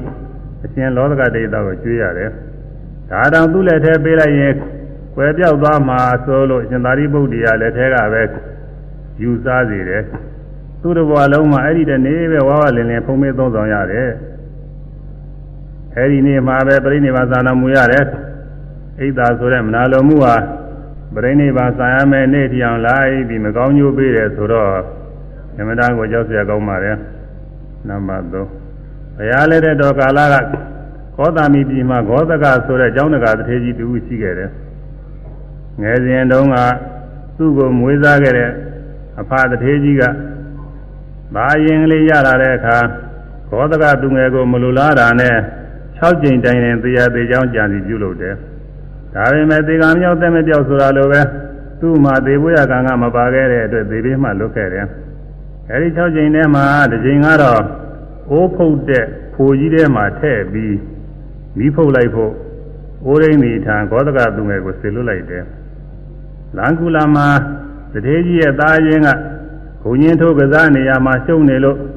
သူ့ကိုဂောဒကကိုကူညီပြီးကစားပေးဖို့ရတောင်းပန်တယ်။ဖခင်က ဥရိမိထာဆွေလိုက်လိုက်တဲ့အကြောင်းပြောတော့အဲဒီတထေးသားရင်းကဘုံချင်းသားနဲ့အောင်ထိုးရပါသူသွားပေးပါမယ်ဆိုပြီးဥရိမိထာသွားတယ်။ဥရိမိကလည်းအဲဒီသူငယ်ကိုဂောဒကပဲလို့ထင်ပြီးတထေးကြီးရဲ့အမိန့်တိုင်းဥပ္ပိုလ်တဲ့ထည့်ပြီးတော့မိဖုတ်လိုက်တယ်။အဲဒီအကြောင်းကိုသေကြီးကြားသိရတဲ့အခါအလွန်ကဲစိတ်ဆင်းရဲဒုက္ခရောက်ကြတယ်စိတ်လုံးပူပါမိယောဂဝေဒနာ အကြီးကျယ်ဆွဲကခံရတယ်အဲဒီယောဂနဲ့ပဲနောက်ဆုံးမှသိသွားကြတယ်ဒါလည်းမနာလိုမှုရဲ့မကောင်းကျိုးပဲဒါကြောင့်သူများမနာလိုကိုအကျိုးမရှိလို့ပြောစမှပြုကြတယ်ဒါကဘုန်းကြီးကျောင်းတစ်ခုမှာဘုသူတော်တယောက်ရှိတဲ့အဲဒီဘုသူတော်ကသူများမနာလိုကိုအကျိုးမရှိဆိုတဲ့ဒီစကားပုံလေးကိုကြာခဏရွတ်ဆိုရွတ်ဆိုပြီးတရားနှလုံးသွင်းနေတဲ့အဲဒီကြောင့်မှ ကိုယ်ွယ်ပြီးသွားလာဝင်ထက်နေတဲ့ဒဂမကြီးတယောက်ကဘုသူတော်ရွတ်ဆိုနေတဲ့စကားကိုခဏခဏကြားတော့သူ့ကိုစောင်းပြီးရွတ်ဆိုနေတယ်လို့ထင်ပြီးဘုသူတော်အပေါ်မှာညာညှိုးဖွဲ့သွားတယ်ဒါနဲ့ဒီဒဂမကြီးကမုံထဲမှာအစိတ်ထည့်ပြီးဘုသူတော်ကိုလူတဲ့ဘုသူတော်ကလည်းမရစဘူးအထူးရတဲ့မုံပဲလို့အလေးအမြတ်ပြုပြီးဘုရားမှာဆွမ်းတော်ကလိုက်တဲ့မုံလူတဲ့ဒကမာကြီးရဲ့သားကလည်းအဲ့ဒီကျောင်းမှာ ကျောင်းသားဖြစ်နေတဲ့အတွက်အဲ့ဒီကျောင်းသားကဆွမ်းတော်တင်ထားတဲ့အဲ့ဒီမုံကိုကောက်ပြီးစားမိလို့အစိမ့်ပင်ပြီးသေးကြတဲ့ဒီတော့မုံလူတဲ့ဒကမာကြီးကဘုသူတော်မသေးပဲသူသားသိနေတာကိုတွေ့ရတဲ့အတွက်သူများမနာလို့ကိုအကျိုးမရှိဆိုတဲ့ဘုသူတော်ရဲ့ကမ္မထာကိုသဘောပေါက်ပြီးကုသိုလ်တော်ကမ္မထာငါကိုရပြားများကွဲလေပြီလို့ညီတန်းကိုကြွေးကြတဲ့ယခုပြောခဲ့တာတွေဟာ မူရိတာကိုပွားစင်တဲ့ပုဂ္ဂိုလ်မှာမူရိတာရဲ့ဆန်းကျင်ဘက်ရန်သူဖြစ်တဲ့အိတ်သာဆိုတဲ့မနာလိုမှုကိုအပြစ်မြင်ပြီးမူရိတာကိုပွားစင်နိုင်ဖို့သာရကားတွေပါပဲသူတော်ဘာကြီးပွားချမ်းသာတာကိုဝမ်းမြောက်ကြည်သာနိုင်တဲ့မူရိတာတရားကတော့အမတန်အေးချမ်းပါတယ်ဝမ်းမြောက်ကြည်သာနေတုန်းလဲစိတ်ထဲမှာချမ်းသာပါတယ်ဒီသူမှာ ဇီဝဥစ္စာတွေတိုးတက်နေတဲ့လုပ်ငန်းတွေအောင်မြင်နေတဲ့သာမွေးပွဲအောင်တဲ့ဘွယ်ထူးရတဲ့ယာရုတိုးတက်တဲ့စသည်ဖြင့်ကြားတွေ့ရသိရရင်ကောင်းပါပေတယ်ကောင်းပါပေတယ်ကြီးပွားမြဲကြီးပွားပါစေချမ်းသာမြဲချမ်းသာပါစေရထားတဲ့ယာရုသန္တရာများများဒီမြဲဒီပါစေစသည်ဖြင့်ဝမ်းမြောက်ကြည်သာသဘောတူတာဟာမုရိတာပဲအမတန်ကြည်လင်လင်းအေးမြပါတယ်။ ဘိုင်ဇန်တရားတရားမှမကုန်ရပဲနဲ့ဒီဘွားချမ်းသာကြောင့်ကုသိုလ်တွေတွင်တွင်ဖြစ်ပွားနေပါတယ်။သိနေရကြတာပဲ။ဒီမုရိတာကိုပွားစေတဲ့အတွက်ကောင်းကျိုးချမ်းသာကိုမြန်မာဘွားမှလည်းရတာပါတယ်။နောက်တမလို့မှလည်းရတာပါတယ်။နံပါတ်1မြန်မာဘွားမှာအကျိုးရပုံကတော့အာသရိတဒါနဝုထုဖြစ်ရှားပါတယ်။ဗေဒိနေကောသလမင်းကြီးကတနေ့တည်းနဲ့14ကလေးအကုန်ခံပြီး အာသရိတလူတော်ကြီးကိုပေးလူတော်လေပေးလူတယ်လို့ဆိုပါတယ်အဲ့ဒါကိုကာလဆိုရမကြီးကမာနာတော်ငွေတွေ14ကလေးအလကားသာပစ္စည်းသွားတယ်လို့ကဲရဲ့ဝေပါနဲ့ဒုံနာဆိုရမကြီးကတော့ပြည့်စင်မင်းမို့သာဒီလိုလူကြီးပေးလူနိုင်တာပဲငါလည်းဒီလိုလူကြီးကိုပေးလူခြင်းပါပြီးတော့တယ်လို့ဝါမျက်ဝါဒသာတုနုမောဒနာပြုတယ်အဲဒီအကြောင်းတွေကိုဘင်းမင်းများကကြားသိရတဲ့အခါမှာ ကဲရတဲ့ကာလမာကြီးကိုပြည်နေတာပေးတယ်နုမောဒနာပြုတဲ့ဇုံနာအမကိုခုနှစ်ရက်ပတ်လုံးမင်းဖြစ်ပေးပြီးတော့မိမိလိုပဲအာသရိတအလှကြီးကိုပေးလူစေတဲ့အဲ့ဒါဟာမူရိတာရဲ့အကျိုးကိုမျက်မှောက်ဝမှာရပုံသာရကပါပဲနမနှစ်နောင်တမလုံးမှာအကျိုးရပုံကတော့အလွန်မဲများပါတယ်ဘုရားလက်ထက်တော်တုန်းကအမျိုးသမီးတယောက်ဟာဝိသခာရဲ့အကြောင်းလူကိုဝါမျက်ဝမ်းသာအနုမောဒနာပြုုံသက်သက်နဲ့ ဒါသင်္နနာပြည်မှာအမနာကြီးကျယ်တဲ့နတ်ဘုံမိမအချွေရအနေနဲ့တကွဂုံသိမ်ကြီးတဲ့နတ်သမီးဖြစ်နေတယ်။နောက်ပြီးတော့တချို့လူတွေဟာကုသိုလ်ကမရှိတဲ့အတွက်ပြိတ္တာဘဝရောက်ပြီးစားရမယ်တောက်ရမယ်ဝိုးရမယ်အတိဒုက္ခရောက်နေကြမှာသွန်ညာတိမိသင်္ဃာများကဒါနကုသိုလ်ပြုပြီးအမြပေးဝေတဲ့အခါသာရုဏုမောဒနာပြုကြတဲ့အတွက်နတ်စင်ချမ်းသာတွေကိုချက်ချင်းပဲရသွားကြတယ် ဒါတွေအဒီနေရာမှာသက်သေသာရကတွေပါပဲအဲဒီလိုကုသိုလ်ရေးမှာမဟုတ်သေးပါဘူးလောကကြီးတွေမှာလည်းသူများကြီးပွားချမ်းသာတာကိုဝါမြောက်ကြည်သာနိုင်တဲ့အတွက်နာယပုဂတိရောက်ရတဲ့ပြင်လူဘဝရောက်တဲ့အခါမှာလည်းသူများတဲ့အခြေခံပေါ်များပြီးကြီးပွားချမ်းသာရကြောင်းကြီးပွားချမ်းသာရကြောင်းကိုသုလကာမဝိပင်္ဂသုံးဝရသော်ဘုရားကအထင်ရှားဟောကြားထားပါတယ်။ဒါကြောင့် မုရိဒတရားဟာကုသိုလ်ရင်းနဲ့စပြီးတော့ဖြစ်ဖြစ်လောကရင်းနဲ့စပြီးတော့ဖြစ်ဖြစ်ပွားများတဲ့ကြောင်းအင်မတန်ထင်ရှားနေပါတယ်။ပွားများပုံကတော့ဒီမုရိဒမှာလဲမေတ္တာကရုဏာတို့လိုပဲကာယကံဝစီကံမနောကံအားဖြင့်သုံးမျိုးရှိပါတယ်။ဒါကြောင့်ကြီးပွားချမ်းသာနေတဲ့သူကိုကြီးပွားမြဲကြီးပွားချမ်းသာနေနိုင်အောင်ကိုယ်နဲ့ကူညီပေးစရာအခွင့်ပေါ်လာရင်ကိုယ်နဲ့ကူညီပေးပါ ဒါကကာယကံမုရိဒာပဲနှုတ်နဲ့ကူညီပေးစရာရှိရင်သွားနိုင်သမျှပြောဆိုပြီးကူညီပေးပါဥပမာလူတယောက်မှာယာရုဂုံနဲ့စိစဉ်ဥစ္စာတည်မြဲရေးအတွက်မိမိကဝင်ရောက်ပြီးကူညီပြောဆိုပေးမဲ့ကူညီပြောဆိုပေးမှဖြစ်မဲ့ကိစ္စဆိုရင်ကူညီပြောဆိုပေးပါလူတယောက်ကိုအကြောင်းမဲ့ဂုံသိက္ခာကြအောင်ပြောဆိုနေတာကိုကြားရင် သွမ်းနိုင်ပါကအမှန်ကိုရှင်းလင်းထုတ်ဖော်ပြီးထိုသူရဲ့ဂုံသိက္ခာကိုထောက်ခံပြောဆိုပါဒါကတော့ဝစီကမုရိဒာတဲ့မနောကမုရိဒာဘောပုံကတော့ဇာရအောင်ပွားများတာလည်းရှိတယ်ပါရမီပြည့်ကုသိုလ်ပြည့်ပွားများတာလည်းရှိတယ်ဒီမျိုးတွေကဇာရအောင်ပွားများနည်းကိုတော့ယခုလိုအချိန်အနည်းငယ်အတွင်းမှာပြောလို့မပြည့်စုံနိုင်ပါဘူးဒါကြောင့်ပါရမီပြည့်ကုသိုလ်ပြည့်ပွားများပုံကိုပဲပြောမယ် ဒီဘွားချမ်းသာတဲ့သူတွေကိုမြင်တွေ့ရတိုင်းကြားသိရတိုင်းဆိုခြင်းမရှိပဲဝါမြောင်မြဲဝါမြောင်နိုင်ကြပါစေကြီးပွားမြဲကြီးပွားကြပါစေချမ်းသာမြဲချမ်းသာကြပါစေလို့နှလုံးသွင်းပွားများရမယ်အဲဒီလို10မိနစ်လောက်နှလုံးသွင်းပွားများနေရင်အဲဒီ10မိနစ်လောက်အတွင်းမှာမုရိဒာဘာဝနာကုသိုလ်တွေဖြစ်တယ်10မိနစ်လောက်နှလုံးသွင်းပွားများနေရင်10မိနစ်လောက်မုရိဒာဘာဝနာကုသိုလ်တွေဖြစ်တယ် အဲဒါဟာသွားရင်လာရင်လဲတွေ့မြင်ရကြားသိရတဲ့သူတွေကိုအာရုံပြုပြီးနှလုံးသွင်းပွားများနိုင်ပါတယ်။ဒီစကားမကုန်မဲနဲ့ကြီးပွားချမ်းသာကြောင်းကုသိုလ်တွေဖြစ်ပွားပါတယ်။အဲဒီလိုနှလုံးသွင်းနိုင်တာကိုပြန်ပြီးစဉ်းစားကြည့်ရင်လည်းအမှန်တန်ဝမ်းသာစရာကောင်းပါတယ်။တကယ်ကိုကောင်းတဲ့အလုပ်ပါပဲ။အခုလိသာမိတာမဲ့ပါဠိတော်ကမေတ္တာဘာဝနာအရာမှာပြထားတဲ့ အနောရိတ5ပါးဩရိတ9ပါးသီတာဖရဏ120တို့အရနဲ့ဘုန်းကြီးကရွတ်ဆိုပြီးမုရိဒာပွားမယ်။ဉာဏနေကြတဲ့ဓမ္မမာမကပုဂ္ဂိုလ်တွေကလည်းစိတ်နဲ့လိုက်ပြီးမုရိဒာပွားကြပါ။အားလုံးသတ္တဝါတွေဆိုရခြင်းမရှိပဲ ကြီးပွားမြဲကြီးပွားချမ်းသာကဝမ်းမြောက်နိုင်ကြပါစေအားလုံးအသက်ရှိသူတွေဆိုရခြင်းမရှိပဲကြီးပွားမြဲကြီးပွားချမ်းသာကဝမ်းမြောက်နိုင်ကြပါစေ အားလုံးထင်ရှားဖြစ်သူတွေအားလုံးပုဂ္ဂိုလ်တွေအားလုံးခန္ဓာကိုယ်အာရဘောရှိသူတွေသို့ချင်းမရှိပဲကြီးပွားမြဲကြီးပွားချမ်းသာကဝမ်းမြောက်နိုင်ကြပါစေ ဒါကအနောရိတမုရိဒ၅ပါးတဲ့အခုဩရိတမုရိဒ9ပါးကိုဆက်ပြီးတော့ပွားရမယ်အားလုံးအမျိုးသမီးတွေသို့လို့ခြင်းမရှိပဲကြီးပွားမြဲကြီးပွားချမ်းသာကဝဝမ်းမြောက်နိုင်ကြပါစေ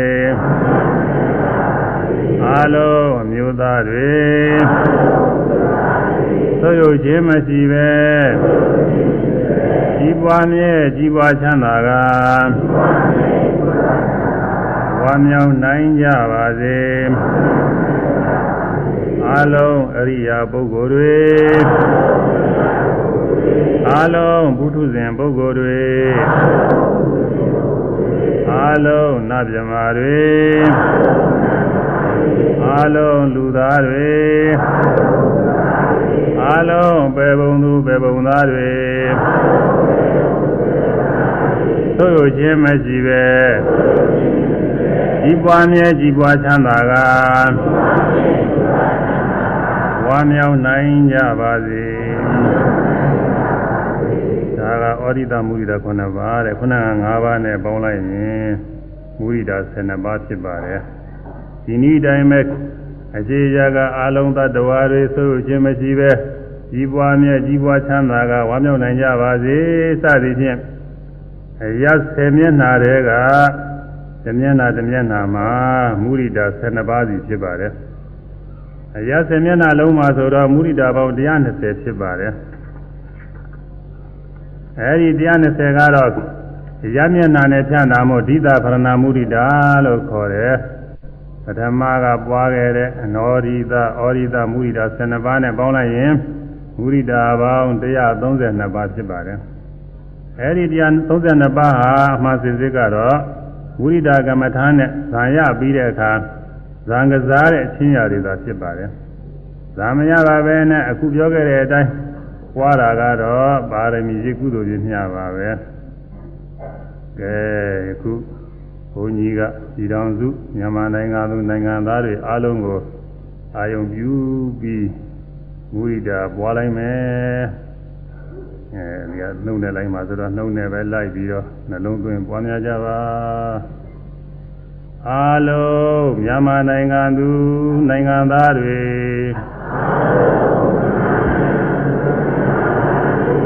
သို့ရုပ်ချင်းမရှိပဲ ကြီးပွားမြဲကြီးပွားကြပါစေချမ်းသာမြဲချမ်းသာကြပါစေဝမ်းမြောက်မြဲဝမ်းမြောက်နိုင်ကြပါစေ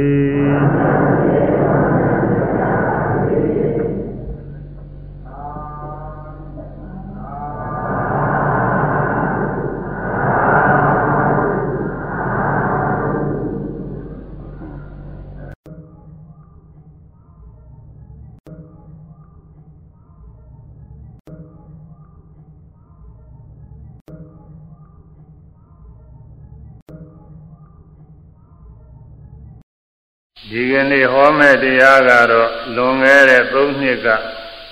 ဟောလာခဲ့တဲ့ဓမ္မစိုးတရားတော်ရဲ့အဆက်ပါပဲအဲဒီ၃နှစ်ကဟောခဲ့တာဟာပထမဒုတိယတတိယသုံးပိုင်းရှိခဲ့ပြီဒီခုဟောမှာကသရုပ်ထာပိုင်းပေါ့အရင်သုံးပိုင်းမှာမေတ္တာကရုဏာမုဒိတာဘောပုံများကိုဟောခဲ့တယ်အခုသရုပ်ထာပိုင်းမှာတော့နောက်ဆုံးဖြစ်တဲ့ ဥပေက္ခာပွားပုံကိုဟောရမယ်ဥပေက္ခာဆိုတာဘယ်မလိုက်ဖဲအငြင်းမျှရှုတဲ့သဘောပါပဲဒါကြောင့်ဥပါပတ္တိတောယုတ်တိတောအသင့်အလျောအငြင်းများအပြင်ဣခတိတိရှုရသောကြောင့်ဥပေက္ခာဥပေက္ခာမြည်ရဲ့လို့ပြဆိုထားကြပါတယ်အဲ့ဒါကိုဒီလူရှုတယ်လို့လည်းမြန်မာပြန်ကြတယ် ဒီလူရှုပုံကတော့10မျိုးတောင်ရှိပါတယ်ဒါကြောင့်ထာထာမှာယူဘိခါကို10မျိုးခွဲပြီးပြတာပါတယ်အဲဒီ10မျိုးကဘာတွေလဲဆိုရင်ဒီသာလင်ဥပိ္ပခာနိဓမ္မဝိဟာရုပိ္ပခာသုံးဘုဇင်ဥပိ္ပခာလေးဝိရိဥပိ္ပခာငါသင်္ခါရုပိ္ခာ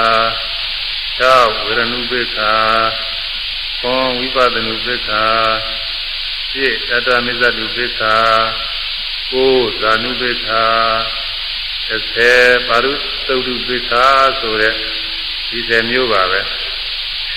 ဒီဆယ်မျိုးထဲမှာအမှတ်1သလုံပိက္ခာဆိုတာအာယုံ6မျိုးအကောင်းတဲ့အစိုးကိုအညီမျှရှုနိုင်တဲ့သဘောပါပဲအဲ့ဒါဟာအမှန်စင်စစ်ကတော့ ယဟနာရဲ့ဂုဏ်တူပါပဲဒါပေမဲ့ဝိပဿနာယောဂီလဲသင်္ခါရုပ္ပခာညာဖြစ်ခိုက်မှာဒီသလင်ဥပ္ပခာနဲ့အညီမျှရှုနေနိုင်ဖို့ကိုသင်ရှားတွေ့နိုင်ပါတယ်မှန်နှစ်ဇမဝိဟာရုပ္ပခာဆိုတာကတော့အခုဟောမဲ့ဥပ္ပခာပါပဲဒါကြောင့်သူ့ကိုတော်တော်ကြာမှအကျယ်ချက်ပြီးဟောရမယ်အမှားသုံး ဘုဇင်ဥပိ္ပခာဆိုတာကတော့ဘုဇင်9ပါးတဲ့ကနောက်ဆုံးဖြစ်တဲ့ဥပိ္ပခာတန်ဘုဇင်ပါပဲဒီကိုအားဖြင့်တော့တတ္တရမိဇရတစေတသိက်ပါပဲသူကသူနဲ့တူတူကဖြစ်တဲ့ရှင်မောရှင်မေတရားတွေကိုမယုံမလွန်ညီမျှစေတယ်အဲကြောင့်သူ့ကိုသမဝါဟိတလက္ခဏာရှင်မေတရားတွေကိုအညီအမျှဖြစ်စေခြင်းလက္ခဏာရှိတယ်လို့အဘိဓမ္မာကျမ်းဂန်တွေမှာပြဆိုထားပါတယ် ဒါပေမဲ့အဲ့ဒီဥပိ္ပခာတံမိုးစဉ်ရဲ့ဖြစ်ပုံကိုသုတမယစိတ်နာမယညာမျှနေတော့ကောင်းကောင်းသဘောပေါက်ဖို့မလွယ်ပါဘူးဝိပဿနာရှုကြည့်မှကိုယ်တွေအားဖြင့်ကောင်းကောင်းသဘောပေါက်တတ်ပါတယ်ဝိပဿနာယောဂီဟာဝိရိယဗျာညာရောက်တဲ့အခါညီမျှစေတဲ့ဒီဥပေက္ခာရဲ့သဘောကို ကျင့်စုံကောင်းတဲ့နွားလဲမောင်းနေရတယ်လို့ပဲသင်ကြားတွေ့ရပါတယ်။မှလေးဝိရိယဥပေက္ခာဆိုတာကတော့သမထဝိပဿနာဘာဝနာချိုးကြနေတဲ့အခါမှာမယုံမလွန်ညီမျှနေတဲ့ဝိရိယပါပဲ။ဒါကလည်းဘာဝနာလုပ်ကိုကြာကြာနာနာအားထုတ်မှုတဲ့သူမှမှကောင်းကောင်းသင်ကြားတတ်ပါတယ်။မှန်ကသင်္ခါရုပ္ပခဆိုတာကတော့သင်္ခါရတရားတွေကိုညီမျှရှုတဲ့သဘောပါပဲ။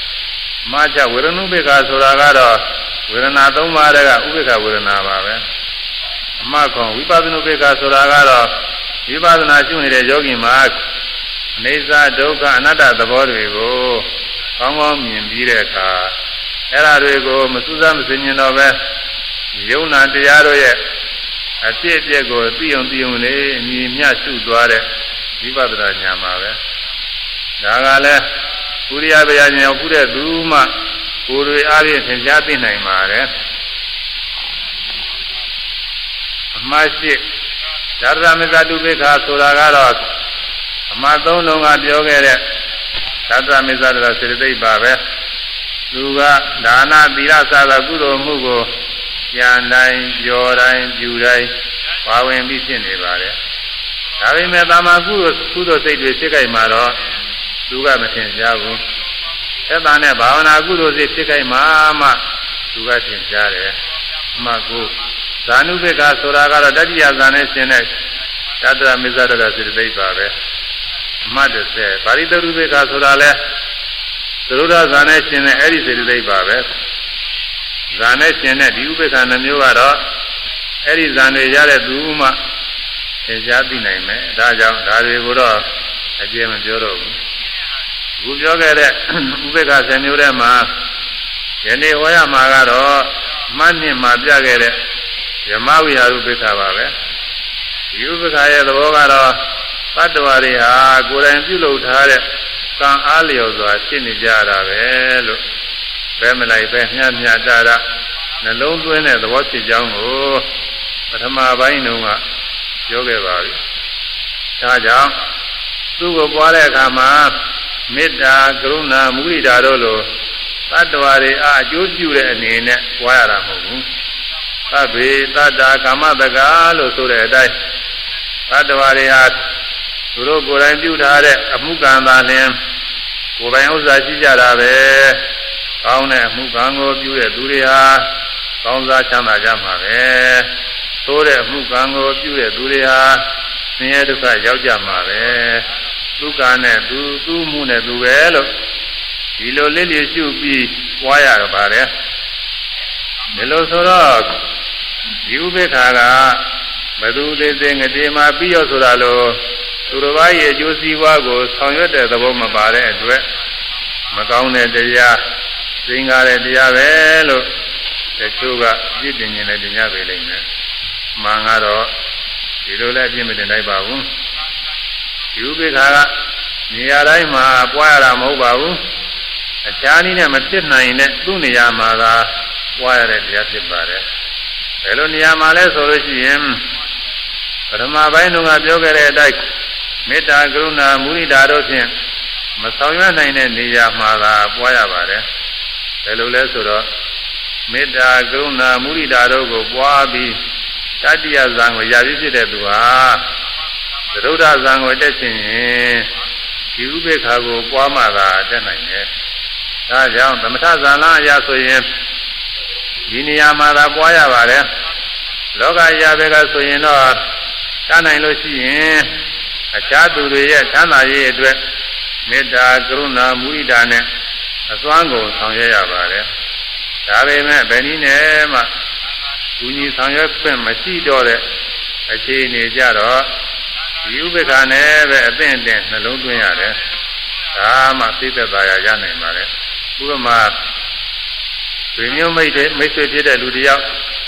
ရာဇဝမှုနဲ့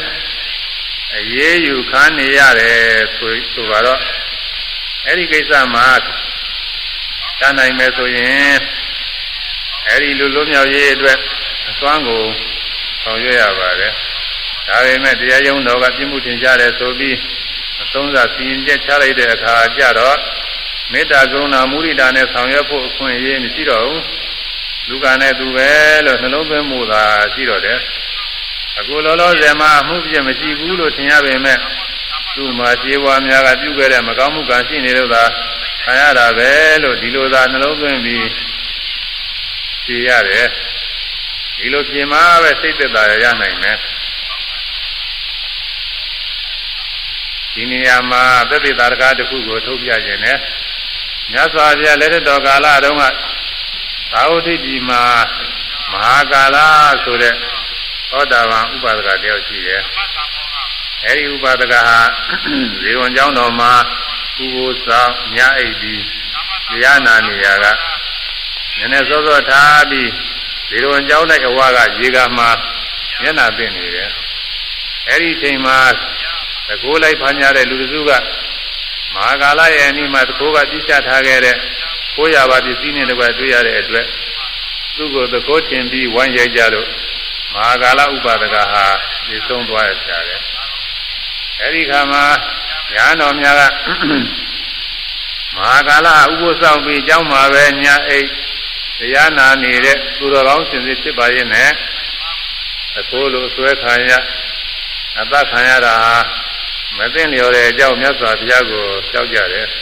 ပြီးတော့မြတ်စွာဘုရားကမစ္ဆုပန်ခြေနေရမသိလျော်တော့လဲသူရှိကံရဆိုရင်တော့သိလျော်တဲ့အကြောင်းမိန့်တော်မူပါတယ်သိလျော်ပုံကတော့ဒီလိုတဲ့မဟာကာလတခုသောဘုရားတော်ကလမ်းမြတွေပေါ်များတဲ့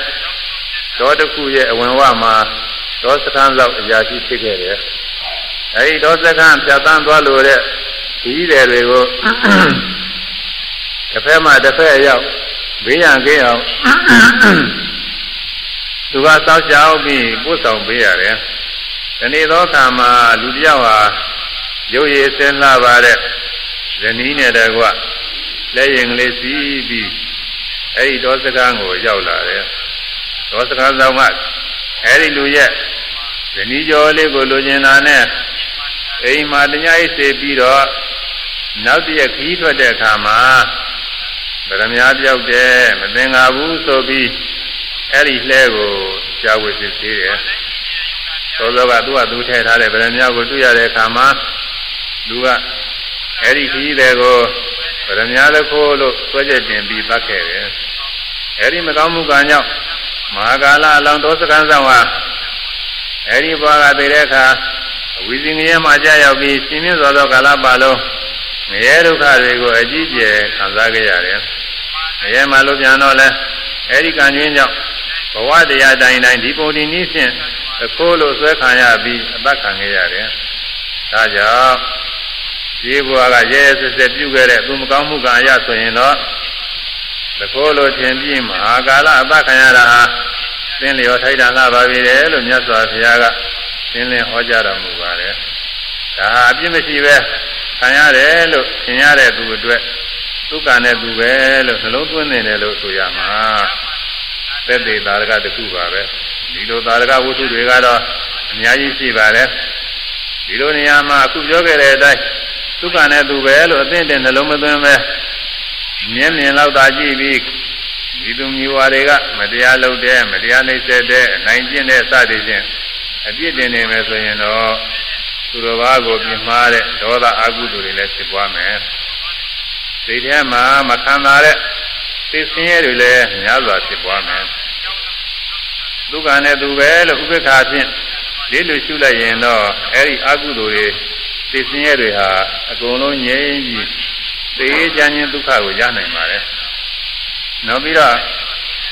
ဒီဥပ္ပခါနဲ့တရားမျှတာဆိုတာနှလုံးသွင်းတာဟာ တရားသူကြီးများအတွက်ဆိုရင်လည်းအံကြကြိုက်ပြီးအလွန်ပင်သိလျော်ပါတယ်တရားသူကြီးများဟာတရားလုံးနဲ့တရားခါဤသူကိုမျှကွက်ပြီးမေတ္တာကရုဏာမုဒိတာဖြင့်ဖွင့်ရေးမပေးသင့်ဘူးဒီလူကိုချမ်းသာစေခြင်းနဲ့ဟိုလူကိုသနာတယ်ဟောဒီလူကိုတော့ချမ်းသာနဲ့ချမ်းသာစေခြင်းနဲ့ဆိုပြီးတစ်ဖက်သက်ခွင့်ရေးပေးလိုက်လို့ရှိရင်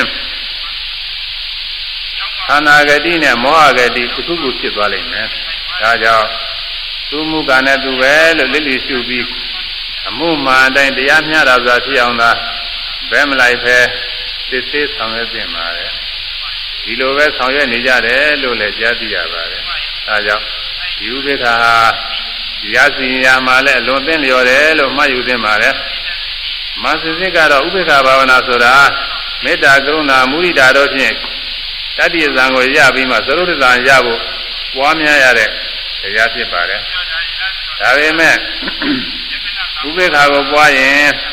ဘုန်းကပြောခဲ့တဲ့အတိုင်းအပြစ်ကင်းပြီးစိတ်သက်သာရလည်းရနိုင်တယ်ပါရမီကုသိုလ်လည်းဖြစ်ပွားနိုင်တယ်ဒါကြောင့်ကရုဏာမုရိဒာပွားပုံကိုဟောတော့မှလိုပဲဟောရိတအနောရိတဓိတာပရဏနည်းများဖြင့်ဥပေက္ခကိုလည်း ပွားလိုက်ကြအောင်လို့ဘုန်းကြီးကအတန်ထုတ်ဆိုပြီးပွားများမယ်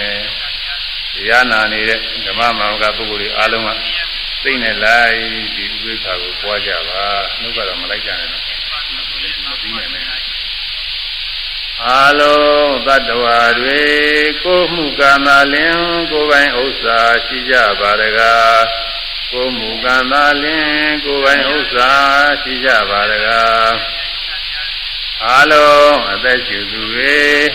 ကိုမှုကံသာလင်ကိုယ်ပဲဥစ္စာရှိကြပါရကအားလုံးသင်ကြားဖြစ်သူတွေကိုမှုကံသာလင်ကိုယ်ပဲဥစ္စာရှိကြပါရကအားလုံးပုဂ္ဂိုလ်တွေကိုမှုကံသာလင်ကိုယ်ပဲဥစ္စာရှိကြပါရကအားလုံးခန္ဓာကိုယ်အတဘောရှိသူတွေကိုမှုကံသာလင်ကိုယ်ပဲဥစ္စာရှိကြပါရကဒါကအနောရိတဥပ္ပစ္ဆ၅ပါးတဲ့ အာလုံးအမျိုးသမီးတွေကိုမူကံသာလင်းကိုယ်ပိုင်ဥစ္စာရှိကြပါရကအာလုံးအမျိုးသားတွေကိုမူကံသာလင်းကိုယ်ပိုင်ဥစ္စာရှိကြပါရကအာလုံးအရိယာပုဂ္ဂိုလ်တွေကိုမူကံသာလင်းကိုယ်ပိုင်ဥစ္စာရှိကြပါရကအာလုံးမူသူပြင်ပုဂ္ဂိုလ်တွေကိုမူကံသာလင်းကိုယ်ပိုင်ဥစ္စာရှိကြပါရကအာလုံးနတ်မြမာတွေကိုမူကံသာလင်းကိုယ်ပိုင်ဥစ္စာရှိကြပါရကအာလုံးလူသားတွေ ကိုမူကံသာလင်ကိုယ်ပိုင်ဥစ္စာရှိကြပါရကအလုံးအပေဘုံသူပေဘုံသားတွေကိုမူကံသာလင်ကိုယ်ပိုင်ဥစ္စာရှိကြပါရကဒါကဩရိတဥပိ္ပခာခုနှစ်ပါးတဲ့ခုနက၅ပါးနဲ့ပေါင်းလိုက်ရင်ဥပိ္ပခာ12ပါးဖြစ်ပါတယ်ဒီနည်းတိုင်းပဲအရှိရကအလုံးသတ္တဝါတွေ ကိုမူကံသာလင်ကိုယ်ပိုင်ဥစ္စာရှိကြပါရကားအစရည်ဖြင့်သူယူရကလေးမျက်နာတောင်းရကလေးမျက်နာအောက်ရကတစ်မျက်နာအထက်ရကတစ်မျက်နာဆိုတဲ့အရစင်မျက်နာမှာလည်းဥပေက္ခ12ပါးစီတွားနိုင်ပါတယ်အဲ့ဒါတွေက30ဆန်းလီဆိုတော့ဥပေက္ခ120ဖြစ်ပါတယ်အဲ့ဒီ120ကတော့ရမျက်နာနဲ့ထဏမှုဒီသာဗရဏဥပေက္ခလို့ခေါ်တယ် ထမကပွားခဲ့တဲ့နောရိတာဩရိတာဥပေက္ခ12ပါးနဲ့ပေါင်းလိုက်ရင်ဥပေက္ခပေါင်း132ပါးဖြစ်ပါတယ်အဲ့ဒါတွေဟာဝိသုဒ္ဓိမဲ့ကျမ်းမှာပြထားတဲ့မေတ္တာဘွားပုံမှနီးမိပြီးပြတဲ့ဥပိ္ပခာဘွားပုံတွေပါပဲဒီဥပိ္ပခာတရား32ပါးဘွားပုံတွေကအမှန်စင်စစ်ကတော့